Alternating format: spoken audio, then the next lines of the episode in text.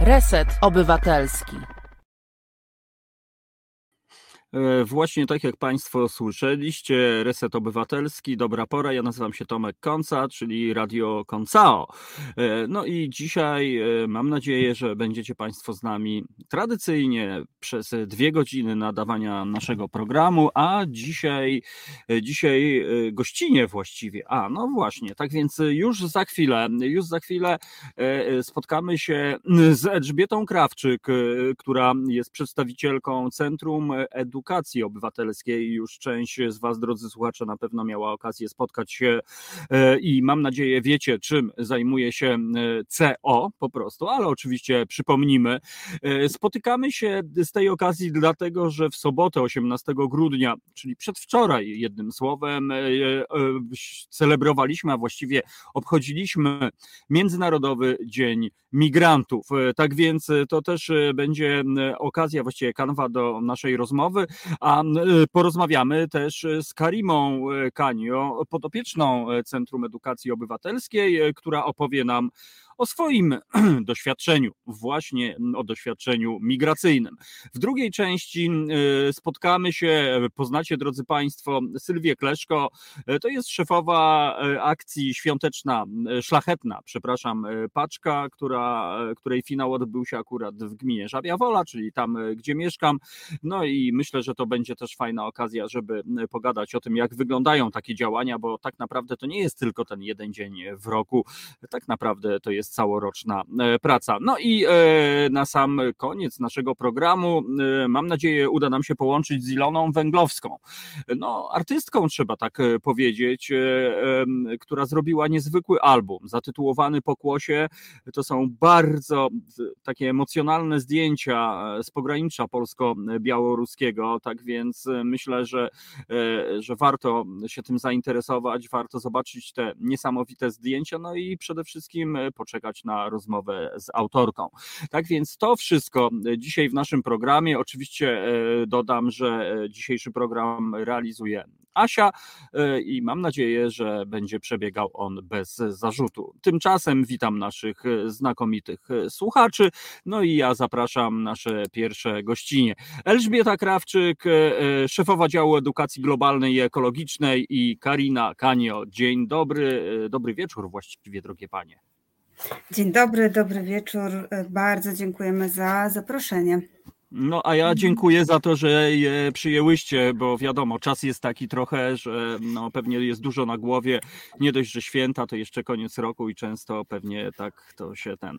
No ale, ale właśnie, to może pierwsze pytanie do Elżbiety, bo tak jak anonsowałem, część naszych słuchaczy na pewno dobrze zna działania centrum, ale, ale gdybyś przybliżyła tym, którzy być może po raz pierwszy y, spotykają się z waszą organizacją. Jasne, bardzo chętnie.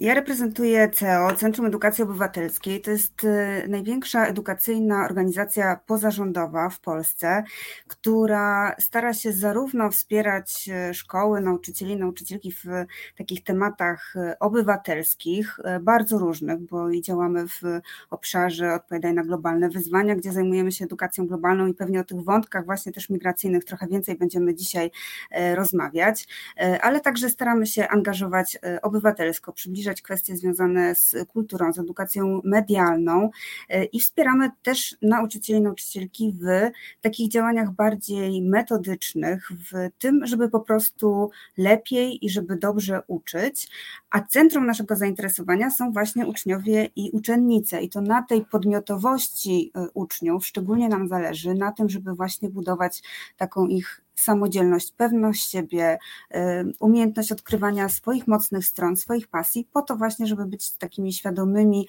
obywatelami, obywatelkami, y, mieć uważność na to, co się dzieje wokół y, i działać aktywnie, ale też z taką świadomością po co, dlaczego e, to robimy. Więc e, pokazujemy bardzo różne tematy, wprowadzamy tam, gdzie one nie zawsze też są tak mocno osadzone w podstawie programowej, ale dają taką przestrzeń, żeby tymi tematami się e, zajmować. I właśnie migracje są jednym z takich tematów, też dosyć kontrowersyjnych albo budzących różne emocje i staramy się z takim zrozumieniem przyglądać przyglądać tym potrzebom szkół i na nie odpowiadać. A z Karimą współpracujemy i Karima jest i mm, oczywiście Karima za, za, chwilę na pewno dużo więcej opowie o sobie, ale jest taką y, naszą współpracowniczką, trenerką, którą też y, chętnie za, zapraszamy na różnego rodzaju y, spotkania z nauczycielami, nauczycielkami, czasem z młodzieżą, właśnie po to, żeby pokazywać taką bezpośrednią perspektywę osób z doświadczeniem migracyjnym, bo często właśnie takiego kontaktu ludziom brakuje, żeby przełamać jakieś swoje e, różne obawy, lęki, e, albo po prostu, żeby też e, zaspokoić swoją ciekawość i móc zadać różne pytania. O, no, no to pie, piękne wprowadzenie, to ja tutaj tradycyjnie się pokajam, bo e, zaanonsowałem, że Karim ma jest podopieczną, a tutaj wychodzi na to, że Karima jest po prostu jednym z filarów waszych działań. Tak. Dziękuję bardzo. W każdym montaży dobry wieczór, bardzo mi miło, bardzo fajnie mnie Elżbieta przedstawiła i bardzo, bardzo dziękuję. E, Karima, e, po, pozwól, że spytam o to, e, jak to się stało, że jesteś w Polsce, skąd pochodzisz, jak, jak wygląda ta twoja historia? Ja mam taką dość taką ciekawą troszeczkę historię, ponieważ ja jestem pół Polka, pół Arabka, czyli pół Polka, pół Syryjka.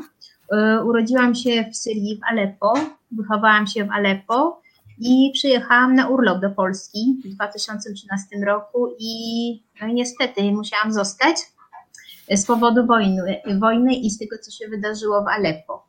Więc e, no, jestem imigrantą, no bo w Polsce nie jestem przyzwyczajona do życia w Polsce. Całe szczęście no, znam języka, trochę kuleję, ale, ale daję sobie radę.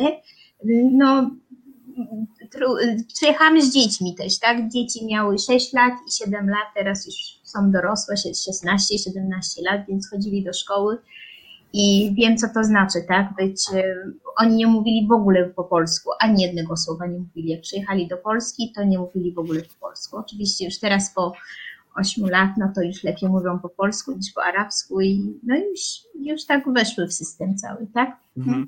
A e, pozwól, że spytam o dzieci, bo, bo pewnie, no bo to dzieci to są takim fajnym odbiciem tego, co tutaj się dzieje.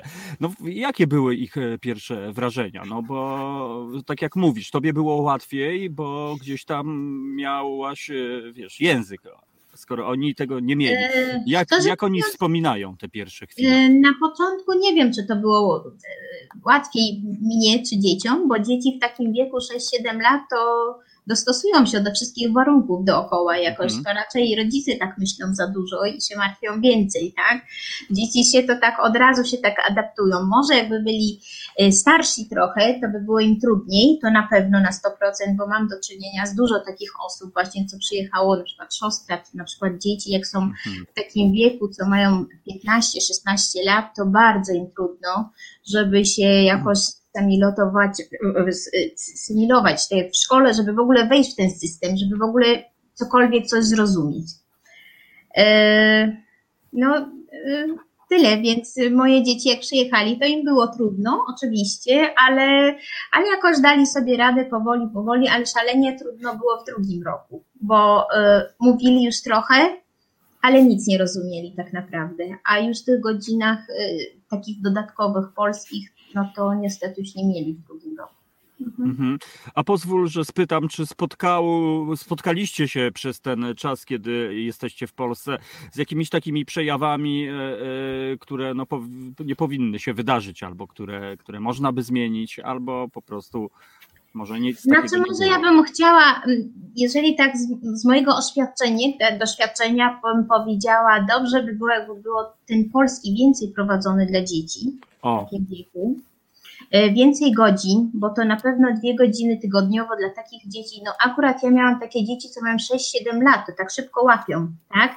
Ale nie wyobrażam sobie, żeby dziecko, co ma 13 lat, 12 lat, dwie godziny tygodniowo, żeby coś, cokolwiek im starczyło. Poza tym jeszcze w drugim roku, albo nawet w pierwszym, to ja pamiętam, że ja godzinami z nimi siedziałam w domu. Naprawdę, żeby to jakoś mhm. odrobić te lekcje, bo oni nic nie rozumieli w szkole. Absolutnie nic. Siedzieli i nic nie rozumieli. Więc może, może bym doradziła, żeby, no chciałabym, że jakaś, nie wiem, nauczycielka na przykład, żeby takie dodatkowe lekcje, żeby były więcej niż te dwie godziny tygodniowo, bo to naprawdę jest bardzo mało. I mhm. to jest jedna sprawa, a druga sprawa w drugim roku to było bardzo, bardzo trudno, bo w drugim roku nie mieli prawa do tych dodatkowych lekcji, czyli nie było żadnego dodatkowego polskiego, a z drugiej strony oni nic nie rozumieli w szkole, więc to było też trudno, no bo oni ledwo umieli czytać i pisać i to było bardzo trudno. I też nie wyobrażam sobie, że jak ktoś nic nie umie w takim starszym wieku, to już jest historia, chemia, tam geografia, czy, mhm. no to ja nie wiem, jak on daje sobie radę w takim razie. No myślę, że tutaj troszeczkę jednak no, trzeba dbać troszeczkę o, o, o, o takich migrantów właśnie w takim wieku, żeby oni mogli się jakoś tak wejść w ten system tak szkolnym i żeby cokolwiek mogli jakoś na ten etap, żeby z kolegami, z koleżankami coś zrozumieć w klasie. No właśnie, no właśnie widzisz, no, ten, ten głos, e, który się pojawia, e, on już na przestrzeni, że tak powiem, naszych rozmów radiowych, już słyszeliśmy ten argument, a właściwie, że niewystarczająca jest ta ta ilość, że tak powiem, godzin lekcyjnych, bo jednak no, to jest fundament, prawda? Ten język to powinien być, powinien być jakiś, nie wiem, program. I widzisz, no jesteś kolejną osobą, która od razu to punktuje, czyli widać, że to szwankuje i to e, po całości. E, pozwól, e, Karima, że spytam Elżbietę, a, a jak wasze drogi się przecięły? Jak to się stało, że współpracujecie? O, to jest dobre pytanie. Próbuję sobie teraz tak przypomnieć, Karimo, i niewykluczone, że to Fundacja Ocalenie prawda? Tak. Fundacja Ocalenie chyba. Raz się spotkaliśmy na szkolenie ze Strażą Graniczną właśnie, chyba tak pamiętam. Mhm. Tak, tak, no właśnie, bo my też y, obie współpracowałyśmy w którymś momencie właśnie z Fundacją Ocalenie y, i prowadziłyśmy wspólne warsztaty właśnie w takim y, tandemie. To było i dla Straży Granicznej, też dla pomocy społecznej, więc mhm. dla różnych grup. Akurat wcale pracujemy z nauczycielami, nauczycielkami, ale różne grupy też takiego wsparcia międzykulturowego, wielokulturowego, antydyskryminacyjnego potrzebują. I to też jest takie łączenie e, perspektyw i, i przybliżanie tej tematyki. I akurat mi też e, konkretnie ten obszar świata jest szczególnie bliski, ponieważ z wykształcenia jestem arabistką, więc e, też to jest na pewno taki łącznik, który jakoś nas z Karimą do siebie zbliżył i sprawił, że, że też bliżej zaczęłyśmy ze sobą współpracować. Karima wspomniała o bardzo ważnej kwestii związanej z integracją i tak jak też już wspomniałeś Tomku, wypunktowała te różne braki właśnie integracyjne, nad którymi warto byłoby pracować. I też e, trochę dlatego staramy się wykorzystywać takie dni jak na przykład Międzynarodowy Dzień Migrantów właśnie po to, żeby nagłaśniać takie e, kwestie, żeby e, zwiększać tę świadomość, jakie jeszcze, jakimi obszarami, kwestiami warto się zaopiekować i o, o co e, zawalczać właśnie w naszej wspólnej przestrzeni, e, żeby wszystkim nam e, było lepiej i łatwiej funkcjonować właśnie w takim wielokulturowym, międzykulturowym społeczeństwie, bo ten dzień został powołany właśnie z taką myślą o tym, żeby migrantów, migrantki włączać do społeczeństw, które do których trafiają, czy w, których się no, z różnych okoliczności e, znajdują. Jest Międzynarodowa Konwencja o ochronie praw e, właśnie wszystkich pracowników i ich rodzin. To jest e, taki dokument, który stał się początkiem też właśnie tego corocznego święta, więc warto przy tej okazji tego typu także historie właśnie przybliżać. A w ramach działań edukacyjnych, które prowadzimy, zachęcamy też do takiej kampanii ponad granicami, gdzie właśnie przybliżamy historię e, różnych osób z takim doświadczeniem migracyjnym, żeby pokazywać, jak wiele obliczy mają migracje, e, żeby pokazywać, że e, te historie właśnie wcale nie są tak oczywiste. Historia Karimy jest naprawdę absolutnie niesamowita i no właśnie pozwala odrzucać te wszystkie stereotypy, które tak na pierwszy rzut oka mogłyby się pojawiać, albo zbija właśnie te stereotypy, jeżeli ktoś z nimi na przykład wychodzi w rozmowie. Mhm. No ale wiesz co, e, e, Ela, bo tak jak e, mówisz, to znowu wrócę do rozmów, które już toczyły się tutaj na naszej antenie, że chyba najlepszym lekarstwem na przełamywanie stereotypów i w ogóle załatwianie spraw jest drugi człowiek naprzeciwko po prostu.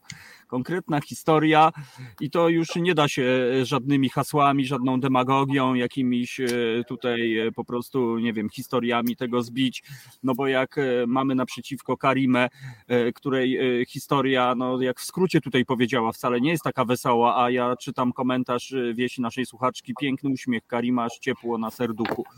No więc y, więc wiesz, no, to, to, jest też dla mnie takie zaskakujące. A, i, I pytanie do ciebie, Karima, a powiedz, a skąd u ciebie, czy ty całe życie byłaś taką osobą nastawioną na drugiego człowieka, społeczniczką, czy po prostu, nie wiem, sytuacja cię zmusiła do tego, że że jednak nie, nie, nie wiem, no nie jesteś obojętna po prostu.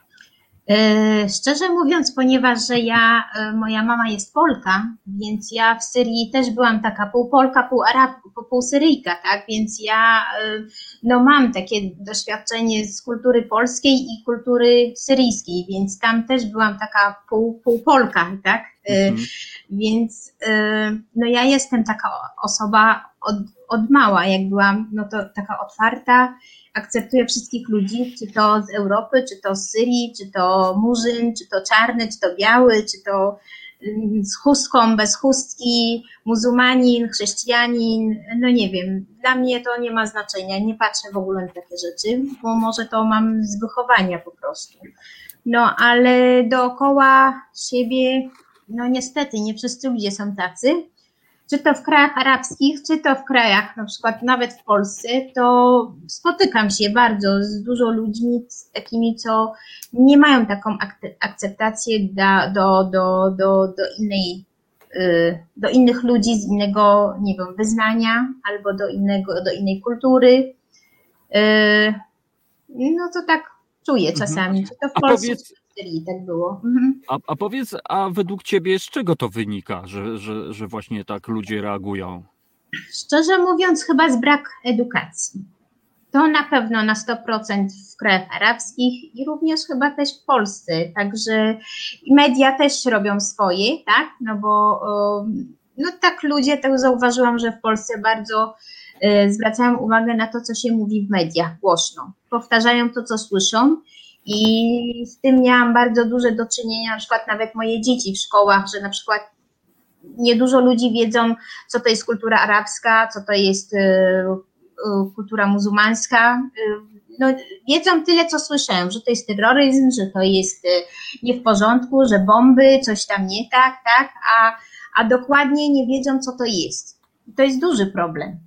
No, to jest, to jest niebywałe tak naprawdę w XXI wieku i to w centrum e, Europy. No powiedziałaś edukacja, tak więc aż się prosi, no Centrum Edukacji Obywatelskiej. E, jak dla mnie, ja postrzegam te działania jako taką formę pracy u podstaw. E, Elżbieta, bo mówiłaś o, o, o działaniach, o waszej kampanii właśnie. Jak ona wygląda, jak ona jest realizowana? Czy, czy to są spotkania, czy to są billboardy, filmy, jak to tak naprawdę wygląda i jak dotrzeć do tych, do których tak naprawdę skierowane są wasze działania, bo wiadomo, no nie, nie trzeba jakby tutaj nikogo przekonywać, y, kto jakby jest no, normalnym w cudzysłowie człowiekiem, ale jak dotrzeć właśnie do tych, o których mówiła Karima, no po prostu. No o normie to pewnie też moglibyśmy osobno całkiem dużo porozmawiać.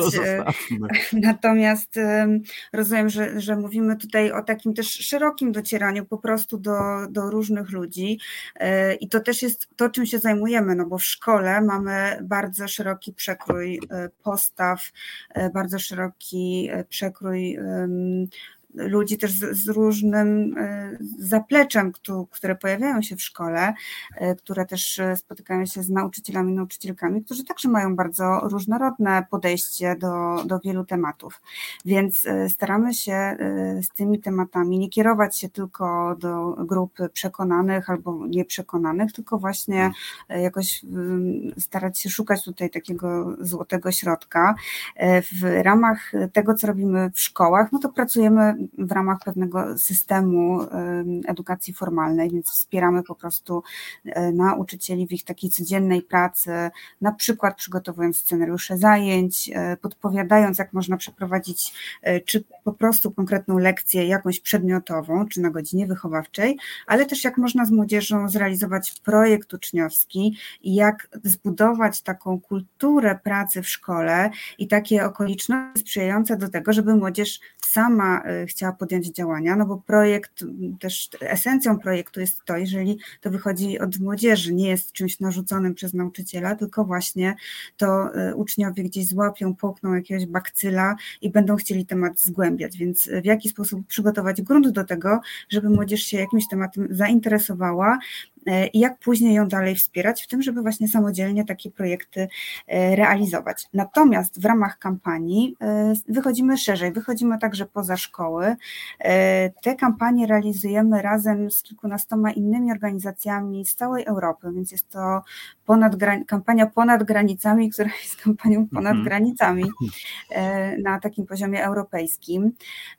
I tutaj jest podejmowanych szereg, szereg różnych działań, między innymi to są nagrywane właśnie filmiki, które pokazują różnego rodzaju historie. Zachęcam do e, kanału Centrum Edukacji Obywatelskiej na YouTubie, gdzie można poglądać te wszystkie filmiki w ramach właśnie obszaru Odpowiadaj na globalne wyzwania, więc tych historii jest tam całkiem dużo.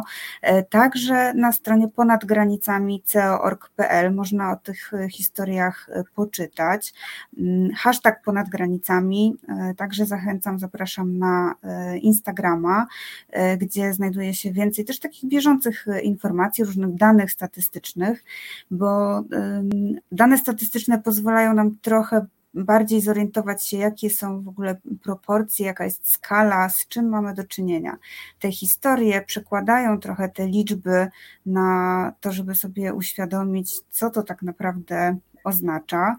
E, I chciałam nawiązać do jednej kwestii, bo e, powiedziałeś o tym, że takie pojedyncze historie e, są jakimś sposobem właśnie na to, żeby przełamywać te różne stereotypy.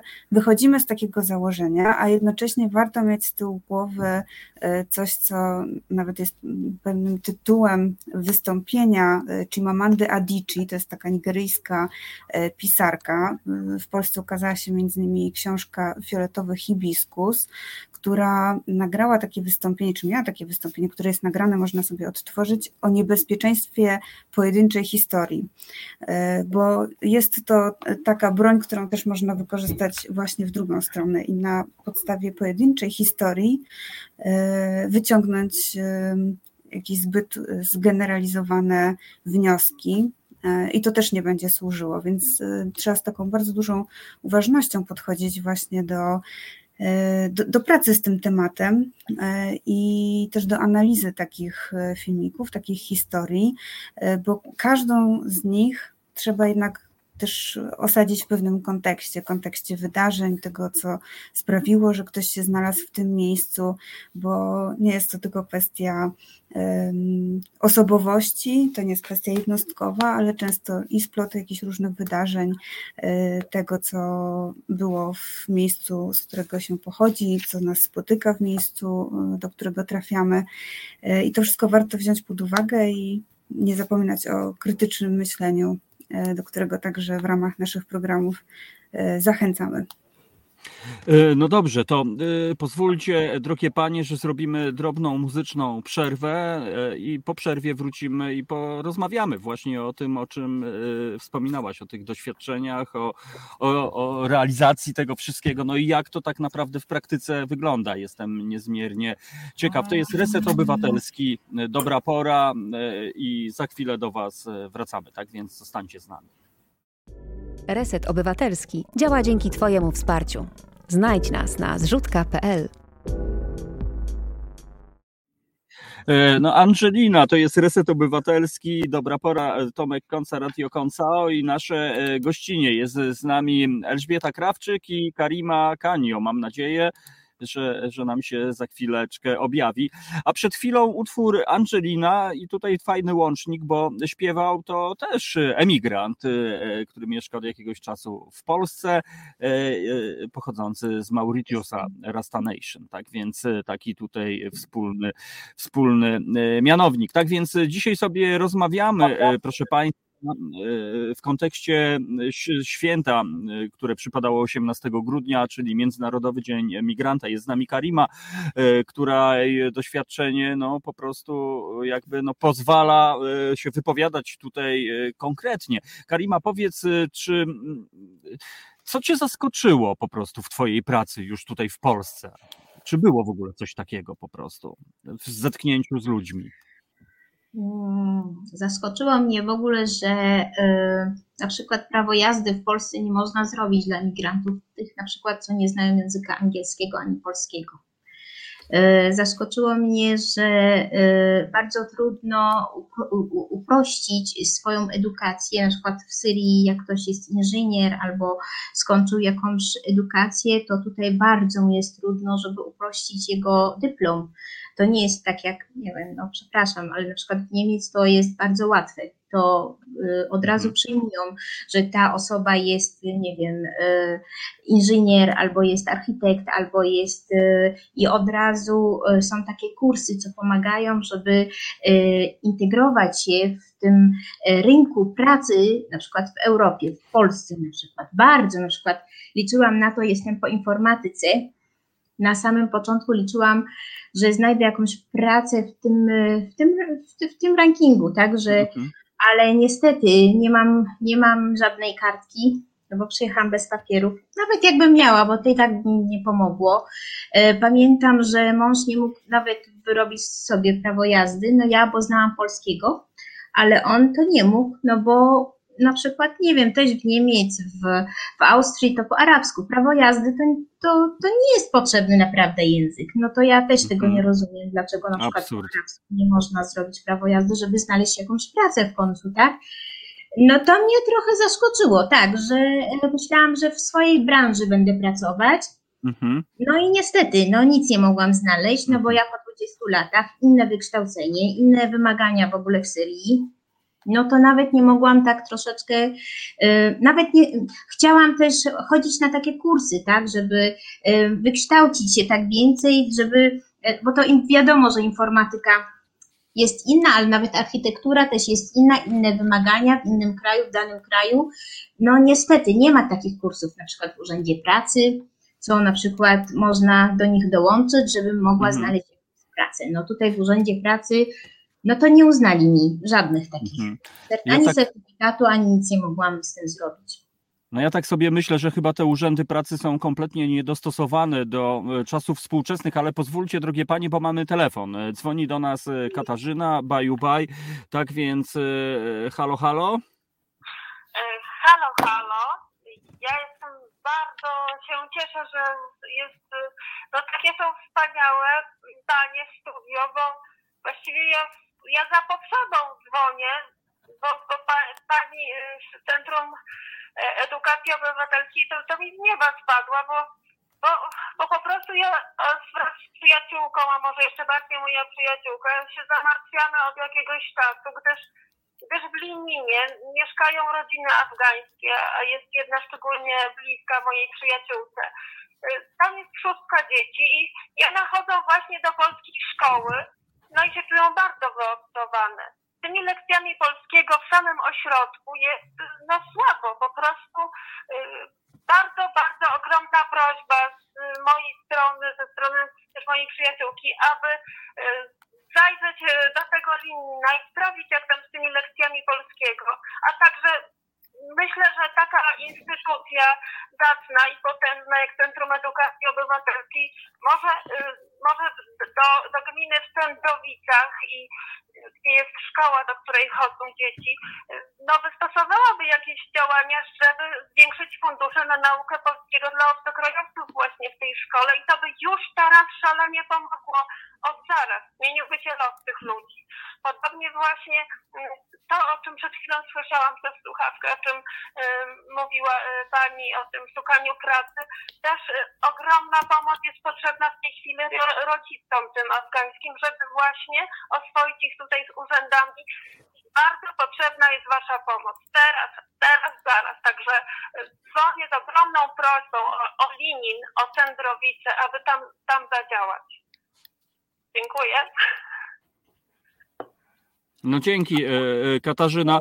Ja tylko dodam, e, że nasza słuchaczka jest nauczycielką, jest pedagogzką, tak więc naprawdę ten głos jakby też jest, no, ma, ma, ma takie mocne jakby znaczenie. No mam nadzieję, że oczywiście uda się jakby pomóc, wspomóc, natomiast tak jak sobie słucham Karimy, jak słucham Elżbiety, no to widzę tutaj, że jest jakiś totalny defekt systemowy po prostu, że, że po pierwsze to prawo jest w ogóle no chyba nieaktualne, że tak powiem. Te wszystkie przepisy są również nieaktualne. No i co teraz e, z tym zrobić? Bo wygląda na to, że chyba struktury oficjalne są tym e, nie za bardzo zainteresowane, zważywszy, że w ogóle ta e, narracja, która jest w ogóle ogólnie u nas, że tak jak Karima mówiła, no terroryści zabiją zaraz, spalą jeszcze i zjedzą nas po prostu.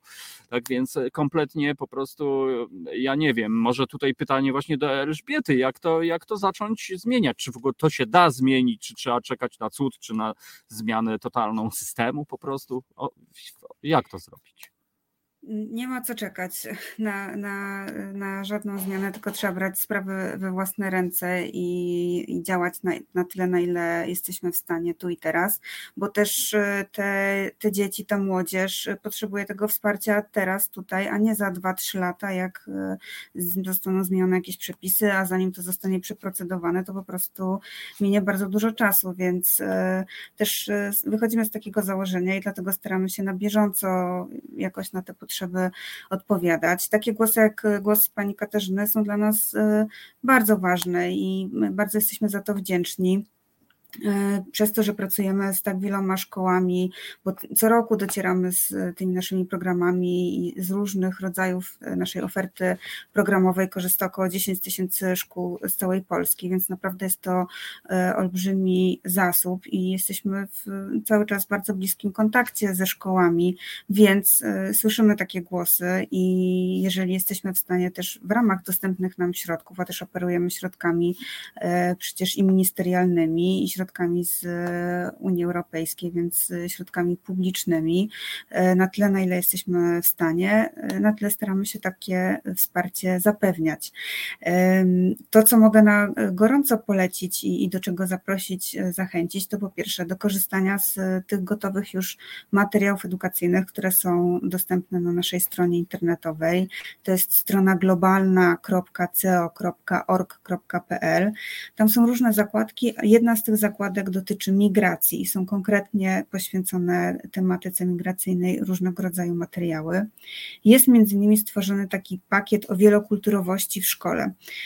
I szczególnie taki materiał, jeżeli są dzieci z doświadczeniem migracyjnym w szkole, zachęcam, żeby przekazać e, dyrekcji, przekazać e, jakiejś zaprzyjaźnionej nauczycielce, nauczycielowi, który puści to w obieg dalej. To jest w wersji elektronicznej, dostępne bezpłatnie gdzie są takie podpowiedzi, jak cała kadra pedagogiczna e, i różne osoby, które odpowiadają też między innymi za wychowanie w szkole, mogą i wzajemnie się wspierać i gdzie szukać więcej informacji, gdzie szukać takiego wsparcia. To są dosyć krótkie, syntetyczne materiały, ale które pokierują e, po pomoc tam, gdzie można jej e, szukać, no bo też e, nie, nie całe wsparcie, które oferujemy w ramach Centrum Edukacji Obywatelskiej na te wszystkie wyzwania może odpowiedzieć. Oczywiście jest szereg organizacji pozarządowych, które specjalizują się w, już bardziej konkretnie w, czy w pomocy w nauce języka polskiego jako obcego, E, czy w kwestiach związanych na przykład z tworzeniem takich równościowych standardów e, współpracy w ramach e, szkoły, to między innymi Fundacja na Rzecz Różnorodności Społecznej ma świetne materiały na ten temat, więc także do nich odsyłamy i, i zachęcam do tego, żeby z nich korzystać.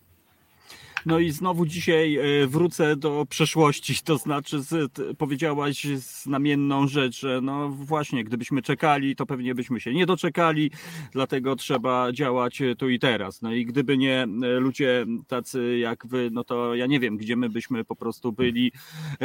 Ela, a powiedz, czy znane są konkretne statystyki, bo, bo te liczby czasami też po prostu nam wiele mówią. Ja sobie spojrzałem za 2020 rok, liczba wniosków cudzoziemców, cudzoziemców, którzy ubiegali się o ochronę międzynarodową w 2020 roku była ponad 2800 osób po prostu, więc więc e, tutaj jest e, taka konkretna informacja. I druga informacja z Urzędu Statystycznego, że w Polsce mieszka ponad 2 miliony cudzoziemców. To też jest w ogóle też, no tak, byłem, przyznam się, naprawdę e, pod ogromnym wrażeniem, no ale też mamy tutaj głos naszej słuchaczki. Od nas wyjechało mnóstwo młodych ludzi, powinniśmy przyjmować takie rodziny z otwartymi rękami, doceniać, wspomóc ich wykształcenie.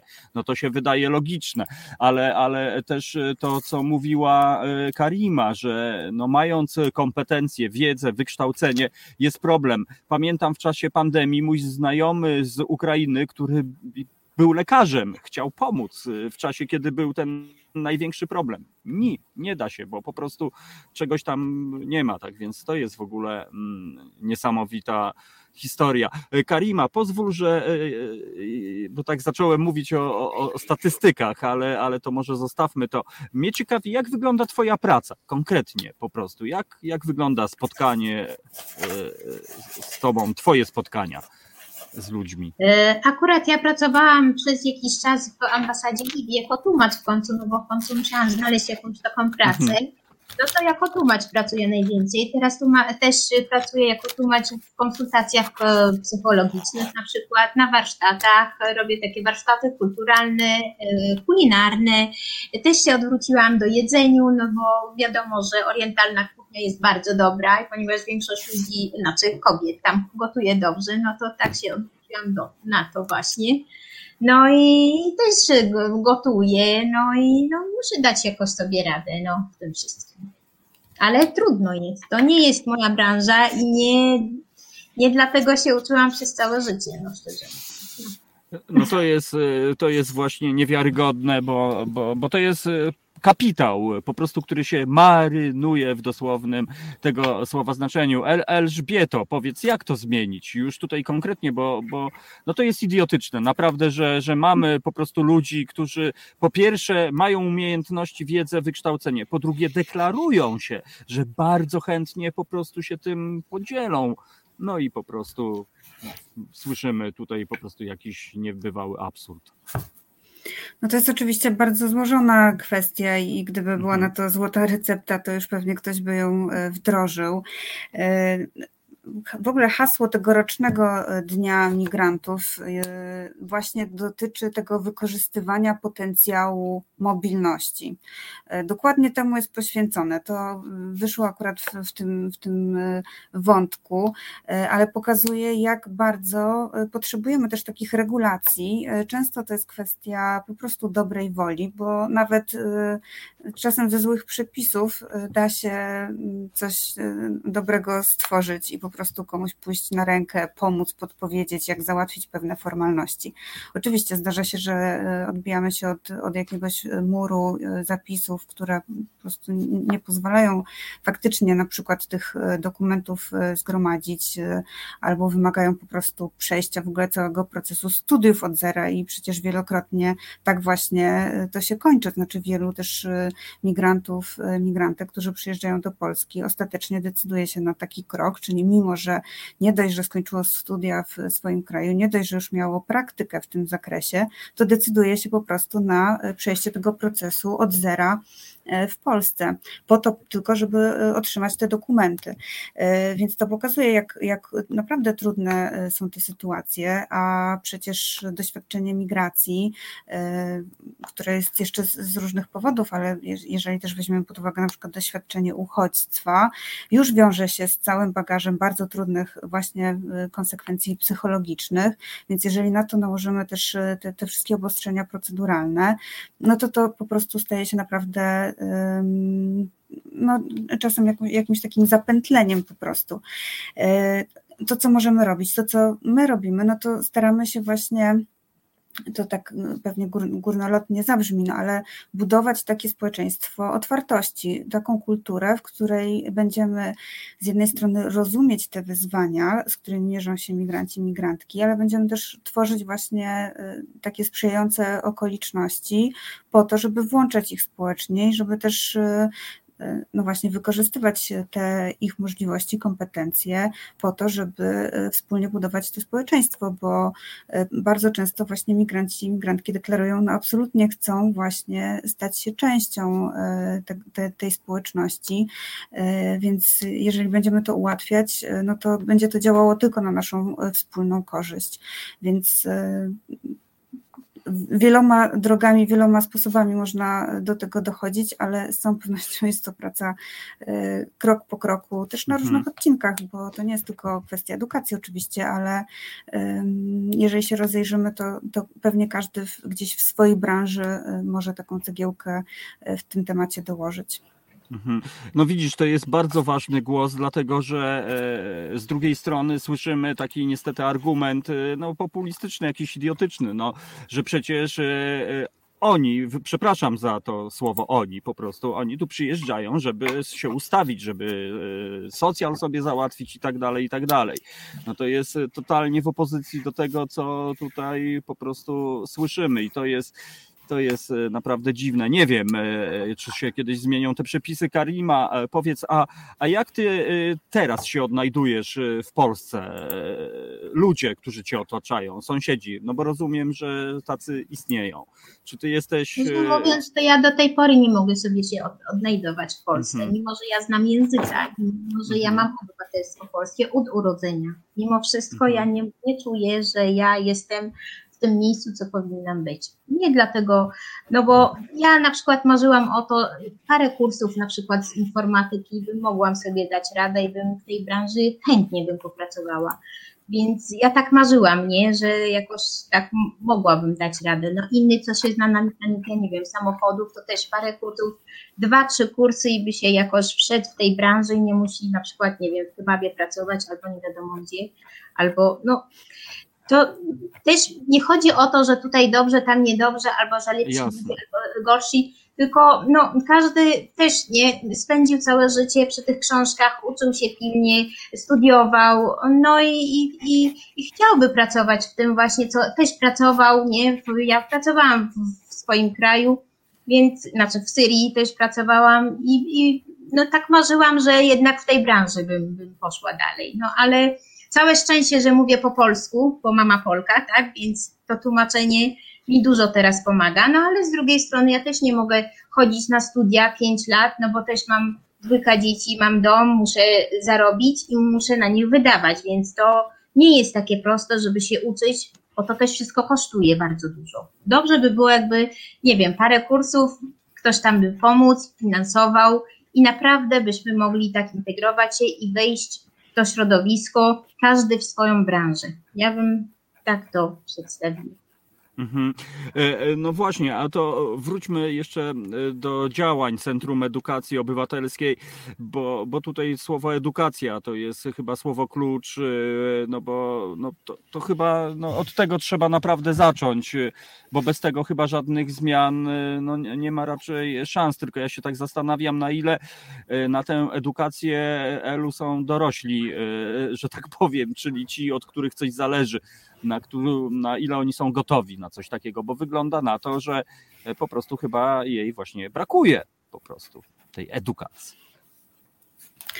E, to zależy pewnie w jaki sposób, z, z, której strony spojrzeć na, na te kwestie, bo w ramach edukacji formalnej jest taka przestrzeń, żeby ten temat e, poruszać. E, pytanie, na ile nauczyciele, nauczycielki są też na to gotowi, jakie, jaka jest atmosfera też na ile sprzyjająca, żeby poruszać takie tematy w szkole, czy ze strony dyrekcji, czy ze strony kuratorium, bo wiemy, dostajemy takie sygnały nauczycieli, nauczyciele także o tym mówią, e, że spotykają się z problemami albo z takim sygnałem, że jest to niemile widziane. E, więc e, to mm, bardzo, z bardzo różnymi sytuacjami e, spotykamy się. Ponieważ jest to tematyka, która bezpośrednio dotyczy praw człowieka, to staramy się też pokazywać to właśnie w tym świetle i tego, że o prawach człowieka w każdej szkole powinniśmy mówić i na to jest przestrzeń. To znajduje się zarówno w podstawie programowej, ale także w konstytucji, więc do tego warto się odwoływać i warto się na to powoływać, e, wtedy także, kiedy e, tego potrzebują uczniowie i uczennice, bo bardzo często to oni są takim motywatorem do tego, żeby tą tematyką się zajmować, bo to oni e, przychodzą do klasy i e, zaczynają poruszać te tematy, albo gdzieś między wierszami ten temat się e, pojawia i nauczyciele, nauczycielki wtedy stają przed no właśnie taką koniecznością podjęcia decyzji, czy ten temat wchodzi na agendę klasy, w jaki sposób tym tematem się zająć. A ponieważ wiemy, że z bardzo różnymi wyzwaniami przy tej tematyce można się spotkać, e, to przygotowujemy też takie materiały, które mogą e, trochę pokierować e, i jakoś wesprzeć w takim facylitowaniu tych rozmów. W ostatnim czasie opracowaliśmy taki materiał 8 potrzeb, jak rozmawiać o migracjach w szkole. Zachęcam, on także jest dostępny bezpłatnie na stronie globalna.org.pl i tam można spojrzeć na taką infografikę, która jest na pierwszej stronie na okładce, gdzie możemy sobie odpowiedzieć na takie pytanie, to jaka jest ta główna potrzeba, na którą powinnam odpowiedzieć w klasie. E, czy to jest kwestia właśnie zadbania o jakieś fakty i o, o takie informacje dotyczące migracji, bo, bo właśnie to w pierwszej kolejności, albo to w, na moim przedmiocie jest jakoś kluczowe w tym momencie. Czy powinnam zadbać o emocje, może swoje jako nauczycielki, jako edukatorki, a może grupy, bo właśnie mierzy się z jakimś problemem, albo jest w klasie, czy dziecko z takim doświadczeniem migracyjnym, które dołączyło do klasy i, warto się zaopiekować i z jednej strony jego emocjami, ale też emocjami klasy, po to, żeby do, do tych działań e, integracyjnych jakoś bardziej e, przygotować, a może to są w ogóle emocje w gronie pedagogicznym e, i warto też od tej strony do tematu podejść.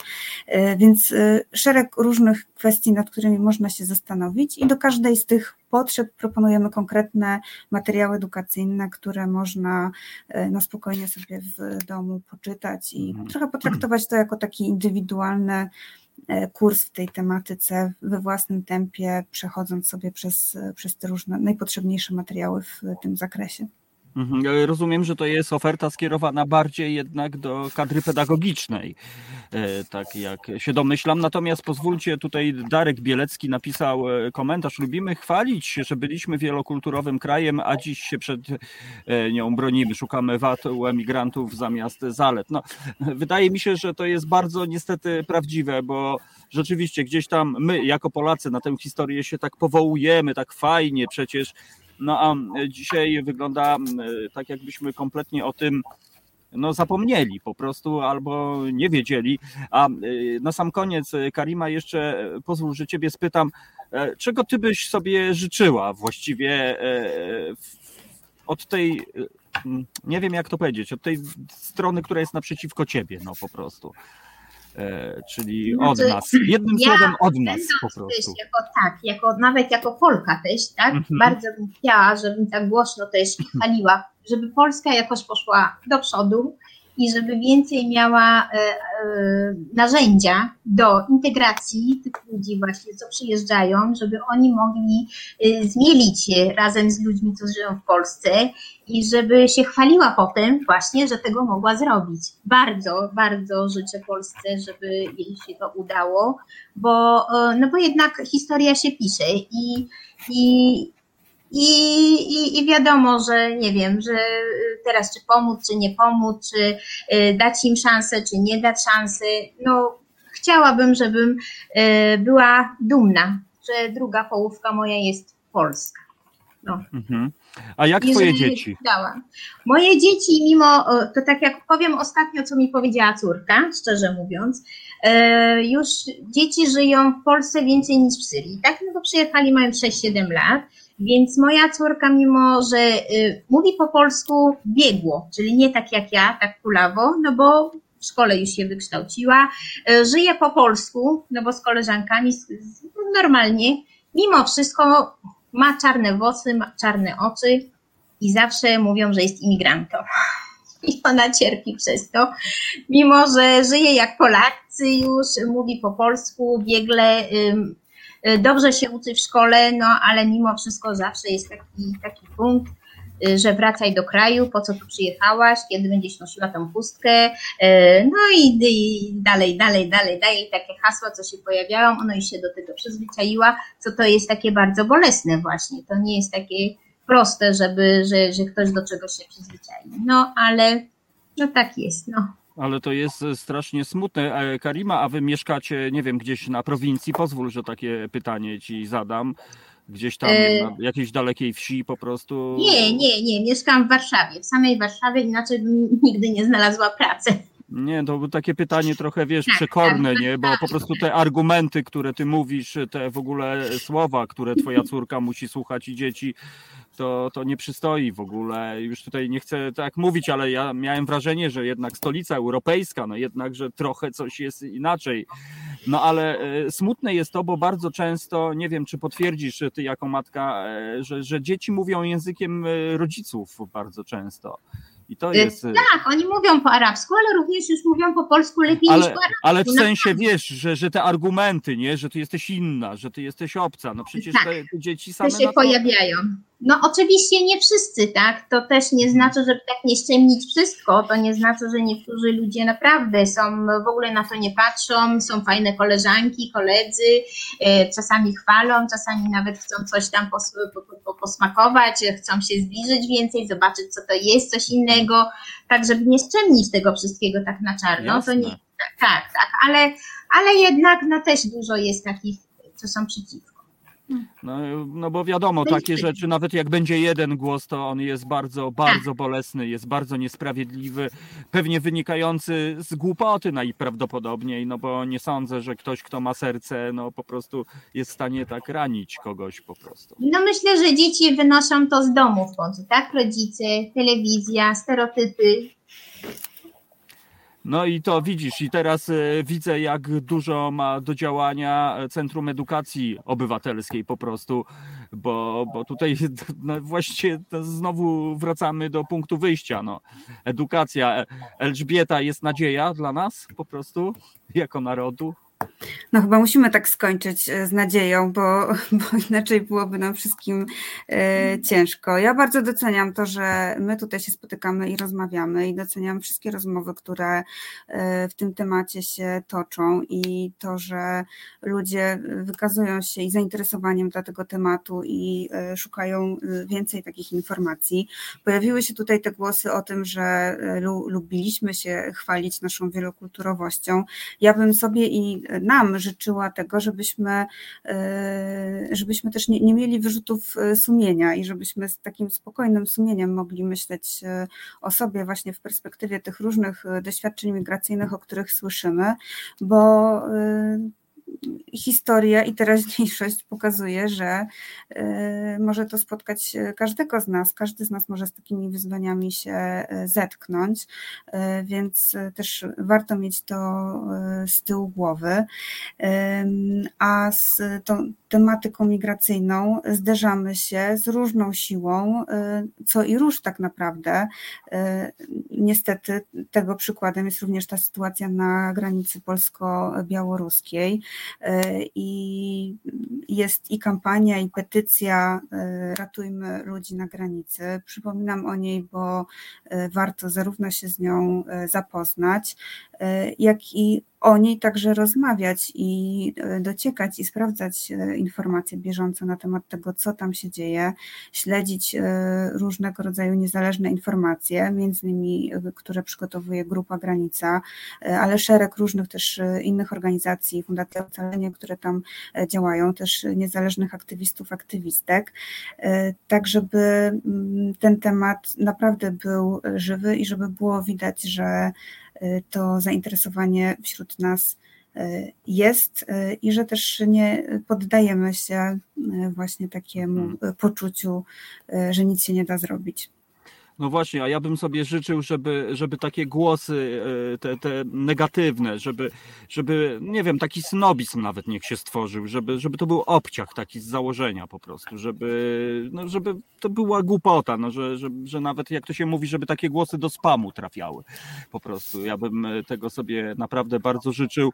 Bardzo Wam dziękuję, e, drogie panie, za dzisiejsze e, spotkanie. Elżbieta Krawczyk, Centrum Edukacji Obywatelskiej no, wzorcowa y, inicjatywa, a właściwie instytucja chyba można by powiedzieć, tak więc bardzo dziękuję za wasze dziękuję serdecznie. działania. No i, y, i jest z nami Karina, której też bardzo dziękuję, Karima Kanio, y, która po prostu udowadnia że no właśnie, chyba codziennie coś udowadnia, że trzeba, trzeba się nie poddawać, trzeba iść do przodu, reprezentować, być dumnym E, i, i zmieniać po prostu świat, no bo, bo albo naprawiać, o, że tak powiem.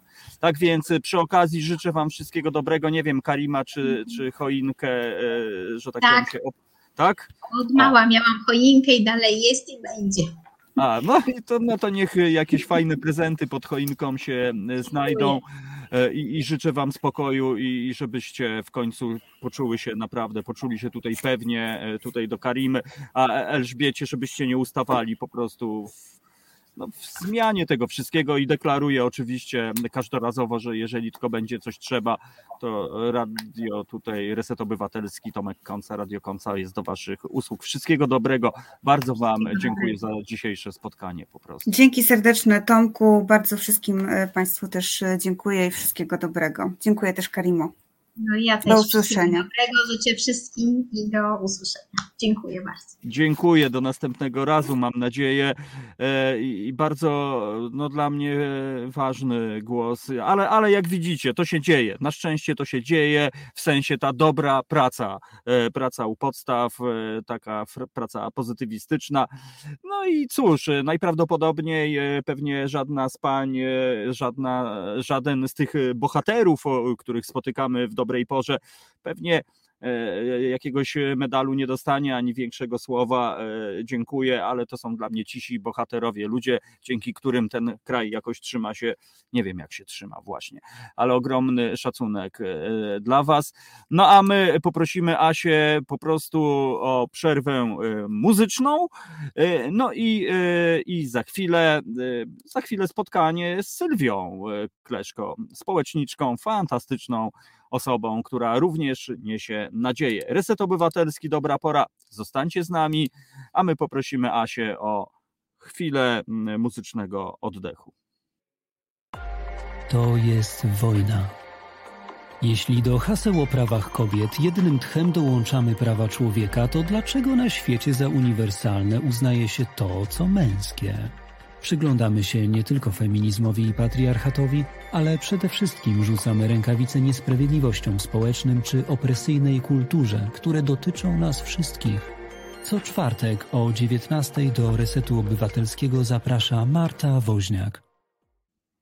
Pozdrawiamy Martę Woźniak, a to jest e, dobra pora w resecie obywatelskim Tomek Koncal. No i e, za chwilę spotkanie z kolejną naszą gościnią, Sylwia Kleszko, proszę Państwa, e, społeczniczka, laureatka Nagrody Osobowość Roku Polska The Times w kategorii praca społeczna i charytatywna. No i ja myślę, że ten tytuł to wiele wyjaśnia. Tak więc komisyjnie i bardzo serdecznie witam Sylwię. Dobry wieczór, dzień dobry. Dobry wieczór. O, e, I dziękuję Sylwia za to, e, że przyjęłaś zaproszenie, żebyśmy mogli się spotkać i e, porozmawiać o. No właśnie, szlachetna paczka. Pewnie większość ludzi spotkała się już z tą akcją, z tą historią. No ale ja akurat przyznam się, że kibicuję działaniom lokalnym, jako że mieszkamy w tej samej gminie. No i od kilku lat podziwiam Twoje zaangażowanie i Twoich ludzi. No to może od tego, Sylwia, zacznijmy. Jak to się zaczęło? Że w ogóle ta szlachetna paczka w tej e, żabiej woli e, podwarszawskiej gminie zaczęła funkcjonować? Mm, zaczęło się dokładnie 4 lata temu. E, szlachetna paczka była wcześniej w Żabiej Woli, ale była mm, kierowana z rejonu, mm, z Grodziska Mazowieckiego. Nie była lokalna tutaj w naszej gminie. Mhm.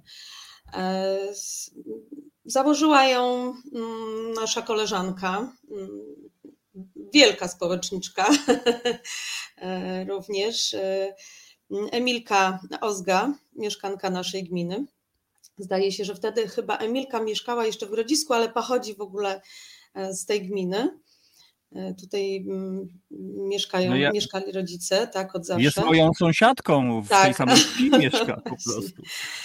Tak, i e, Emilka mm, jakby założyła ten rejon, znając jakby mm, potrzeby mieszkańców.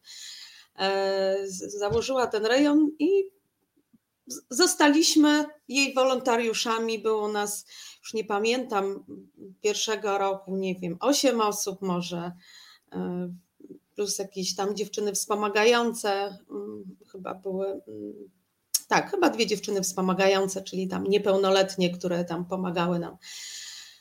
E, no, zauważyłyśmy po tym pierwszym roku, że potrzeby w naszej gminie są mm, dosyć duże.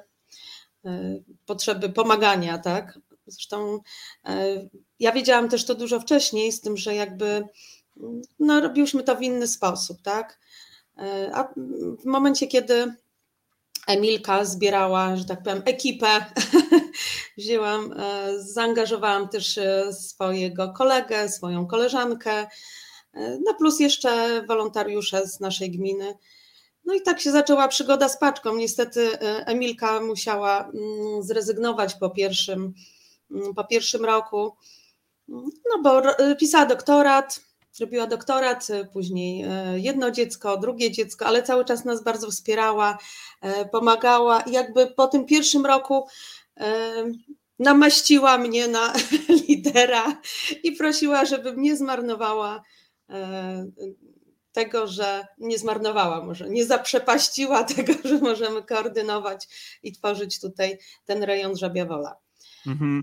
No a ten rok szczególny, zresztą poprzedni y, też, poprzedni ale, ale ten y, covidowo, pandemicznie. Y, jak ci się udało przekonać, a właściwie jak się udało to, że masz z tego co wiem stałą, że tak powiem, załogę wokół siebie? No tak, ludzie są, znaczy jest, jest trzech wolontariuszy, dwie wolontariuszki, jeden wolontariusz, którzy są od samego początku, czyli byli, byli za Milką i ze mną E, przy tworzeniu rejonu e, i są do tej pory. W tym roku doszły dwie wolontariuszki, bardzo fajne dziewczyny też, które od razu mm, złapały o co chodzi i bardzo fajnie sobie poradziły. E, no zresztą mam od nich deklarację, że zostają na kolejny rok, że, że no to jest właśnie to, co chcą robić. E, no, a wolontariusze, o których mówię od początku, no to są cudowni ludzie, to są ludzie, którzy mm, pracują zawodowo, którzy mają swoje rodziny, którzy mają, mm, no, mogę to powiedzieć, no, mają kłopoty zdrowotne dosyć e, spore, e, a jednak nie przystają i z roku na rok, no, angażują się, e, tworzą z nami to wszystko.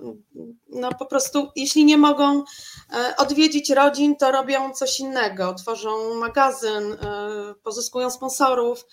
No naprawdę, no cały czas są zaangażowani, także. Mhm. Szacun no wiem wielki. nawet, że operacja była grana nawet, tak? Operacja była grana, tak, w międzyczasie, tak. No, nie, no były choroby i w rodzinie i wolontariusze, no wiadomo. No. Także no myśleliśmy, że będzie cienko, ale dali radę, jak zwykle.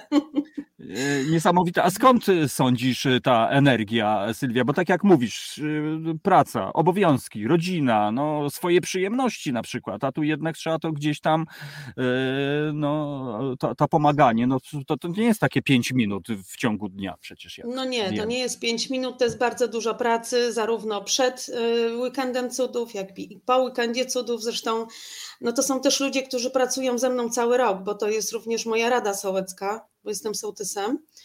E, to jest moja Rada Sołecka, która też pracuje na rzecz mieszkańców i to mm, no, tak dosyć intensywnie pracuje, bo mm, mamy stworzoną grupę nieformalną, gdzie piszemy projekty e, dla, dla naszego sołectwa. E, teraz jeszcze jesteśmy w, w mm, Nasza grupa nieformalna bierze udział w akcji Masz Głos Fundacji Batorego, również no już zbliżamy się ku końcowi, może coś nam się tam super samorząd jakiś trafi, chociaż nie wiem, ale to są ludzie, którzy, no myślę, że to są te ich serducha takie po prostu, no czują to, czują to, że trzeba pomagać, że, że no mają takie charaktery, że no od zawsze lubili ludzi, jak mówimy w Paszce, lubię ludzi, tak? Poświęcają się bardzo, pracują. No i tak jak mówię, to trwa cały rok. To nie jest tak, że oni pracują tylko dla szlachetnej paczki, tak? Że angażują mhm. się tylko w szlachetną paczkę. A, a, Sylwia, e, pozwól, że spytam o podopiecznych e, waszych. Czy to są e, rodziny, które same się do was zwracają, czy, czy ktoś? Nie, nie. Paczka w ogóle nie na tym polega. Rodziny Aha. nie mogą się zgłaszać. Paczka mm, dociera do, do takiej biedy, gdzie kontakt z darczyńcą, z wolontariuszami, przepraszam, i pomoc materialna stają się impulsem do zmiany. E, to jest taka mądra pomoc, prawda? I mm, te rodziny są zgłaszane przez e, placówki pomocowe, przez szkoły, przez miejskie ośrodki pomocy społecznej, gminne ośrodki pomocy społecznej. Mogą być zgłoszone przez sąsiadów. Jeśli sąsiad na przykład no, widzi, że coś jest nie tak, że, że no, było dobrze w tej rodzinie i nagle e, to są przyczyny niezależne od tych rodzin, tak? No nie wiem, utrata pracy, czy jakaś tam choroba w rodzinie, czy no, różne, różne, są, mm, różne są kłopoty i problemy. I to, że ktoś ma na przykład y, dom i ładne podwórko, dużo kwiatków, albo chodzi mm, dobrze ubrany, czysto, no to nie znaczy, że nie ma problemów, nie ma, y, nie ma potrzeby pomocy. A, a często jest to tak właśnie mm, też y, jakby odbierane, że no zaraz, no jemu pomoc, a dlaczego, a z jakiej racji, tak? No, docieramy do różnych rodzin, a, a ta pomoc, y, uwierzcie, jest no, w 95 przypadkach bardzo potrzebna. Także no, oczywiście Aha. są rodziny, które są wyłączane ze względu na, no bo paczka oczywiście też ma jakieś swoje kryteria, tak? Między innymi są to też kryteria dochodowe. E, I no, też my nie, nie decydujemy do końca o tym, e, czy, czy taką rodzinę e, zakwalifikujemy do projektu. My po prostu robimy wywiad, opisujemy jakby historię tej rodziny i wysyłamy dalej do akceptacji. Mhm. A widzisz, no powiedziałaś e, ważną rzecz, bo, bo to trochę też tak jak z ludźmi w kryzysie bezdomności, że czasami myślimy, że ta bieda to właśnie trzeba być no, obdartym, brudnym i tak dalej, i tak dalej. Mhm. Dom musi się zawalić, a, a ty tutaj mówisz y, no coś takiego no nieoczywistego. Ja z drugiej tak. strony ze swojego doświadczenia wiem, że ci, którzy tak naprawdę najbardziej tej pomocy potrzebują, to oni będą ostatni, którzy wyartykułują w ogóle. Dokładnie. Że, że, że, że to będzie, dlatego to jest nieoceniona rola tych osób trzecich i, i, i was, no bo tak jak mówisz, wy musicie to jakoś zweryfikować, to też nie jest przecież super wdzięczna po prostu jakaś, no nie. E, e, jakaś praca. My odwiedzamy te rodziny. Mhm. To są dwa albo trzy spotkania e, przed tym, zanim, e, zanim te informacje trafią do naszej bazy, tak? E, odwiedzamy, no jakby, no też mamy już jakieś doświadczenie, wiemy, wiemy na czym to wszystko polega. I no, są oczywiście, no, docieramy do biednych rodzin, tak, tak jak mówisz, czyli no, w bardzo kiepskim stanie są domy, ta sytuacja materialna jest bardzo zła, ale, no, ale też jest dużo osób, takich właśnie, o których mówi, mówiłam, że no, z zewnątrz być może tego nie widać. I nie wiem, czy mam się cieszyć, czy, czy nie, ale y, Zauważam, zauważam coś takiego, że e, na naszych terenach, czyli na, na terenach wiejskich, wydaje mi się, że jest troszeczkę mniej tych osób, e, którym, e, którym należy pomagać bo tak jak właśnie zauważyłam, są tutaj na przykład rodziny wielopokoleniowe, tak, czy, czy fajna pomoc sąsiedzka. Mm, no, ludzie się znają bardziej tutaj, no i nie są tacy anonimowi i zawsze ktoś tam pomaga, więc no więc myślę, że powinniśmy się cieszyć, że, że nie ma tych rodzin tak dużo. Mm, no ale corocznie, co roku są, tak? Także no, ta pomoc jest potrzebna. A powiedz e, na przestrzeni tych e, lat, czy ty widzisz, że ta pomoc działa? No bo ja rozumiem, że ona działa doraźnie, prawda? No tak na zasadzie paczki z owocami na przykład, że ona jest fajnie, ale, ale to też chyba, prawda, nie o to chodzi, żeby z jednej strony przyzwyczaić do tego, że całe życie ktoś będzie nam pomagał, no chyba, że rzeczywiście mamy jakąś niepełnosprawność, która no, nie, nie pozwala nam na przykład e, samemu zadbać o siebie.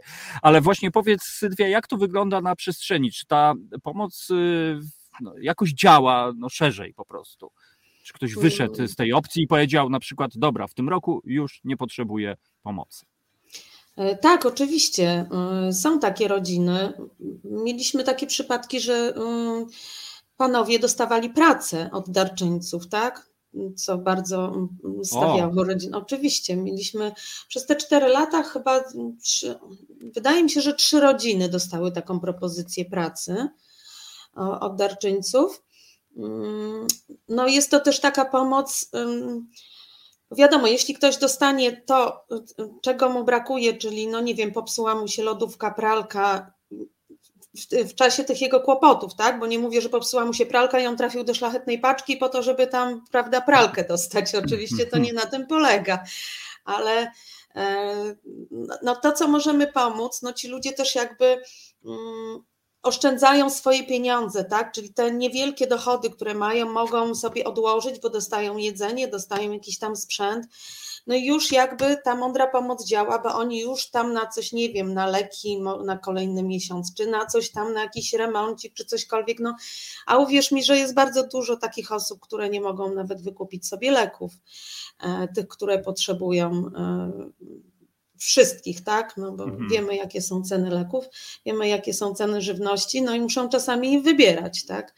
E, warunki mieszkaniowe też mieliśmy bardzo fajne, mm, super darczyńców, którzy e, kupują materiały budowlane. No komuś się dach wali na głowę albo leje mu się i to już kolejna edycja, w tej edycji też zresztą mieliśmy darczyńcę, który, który kupował materiały budowlane na dach, na ocieplenie i no bo rodzina nie, nie mogłaby zaoszczędzić tych pieniędzy, no a są chore dzieci, leje się na głowę, jest grzyb, jest wilgoć, tak?